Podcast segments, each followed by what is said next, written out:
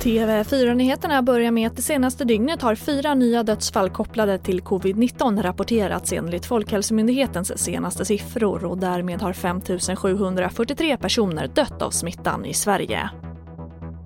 Och sen till Birsta norr om Sundsvall där det brinner kraftigt i en lagerlokal. Räddningsledaren uppmanar alla i området att gå inomhus och stänga dörrar, fönster och ventilation. Och det finns inga uppgifter om att någon ska ha befunnit sig i byggnaden när branden startade. Och idag kom domen mot de 15 personer som åtalats i Göteborgs tingsrätt för inblandningen i ett gigantiskt knarkmål och alla utom en döms till långa fängelsestraff. Rättsfallet är byggt på en av de största narkotikahärvorna någonsin i Tullverkets historia och knarket har smugglats från Nederländerna för att användas i Stockholm och Göteborg. Enligt åtalet smugglades knark för över 100 miljoner kronor in i Sverige. Och den Södertäljebaserade lastbilstillverkaren Scania håller fast vid planen att dra ner personalstyrkan globalt med 5 000 medarbetare.